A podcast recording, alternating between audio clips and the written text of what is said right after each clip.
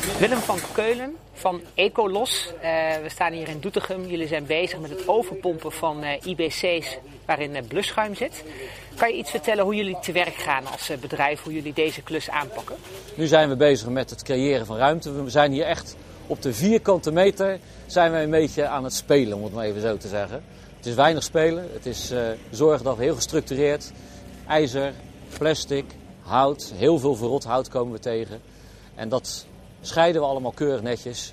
En uiteindelijk moet dat dan in een afvalstroom terecht gaan komen en het blusschuim in de stabiele opslagtanks van 325 kub. Want waar letten jullie op? Want eh, kijken jullie bijvoorbeeld ook nog of er verschillende vloeistoffen in zitten of is het allemaal gelijk? We hebben een procedure waarbij we dus kijken naar eh, de pH-gehalte van uh, de vloeistof.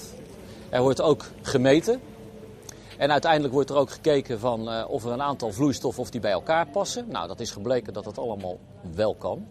Maar elke keer als we overpompen hebben we een vaste procedure. Ja, het is niet zomaar even ruksigloos, slang erin en leegpompen. Nee.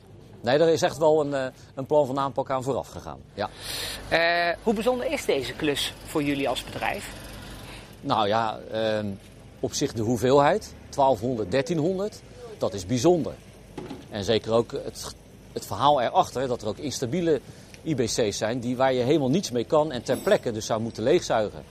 Dat is bijzonder. Je moet dus zorgen dat er geen speel ontstaat en dat je het materiaal direct ad hoc kan reageren. En dat doen wij al uh, een 30 jaar ad hoc. Als er een probleem is, reageren we.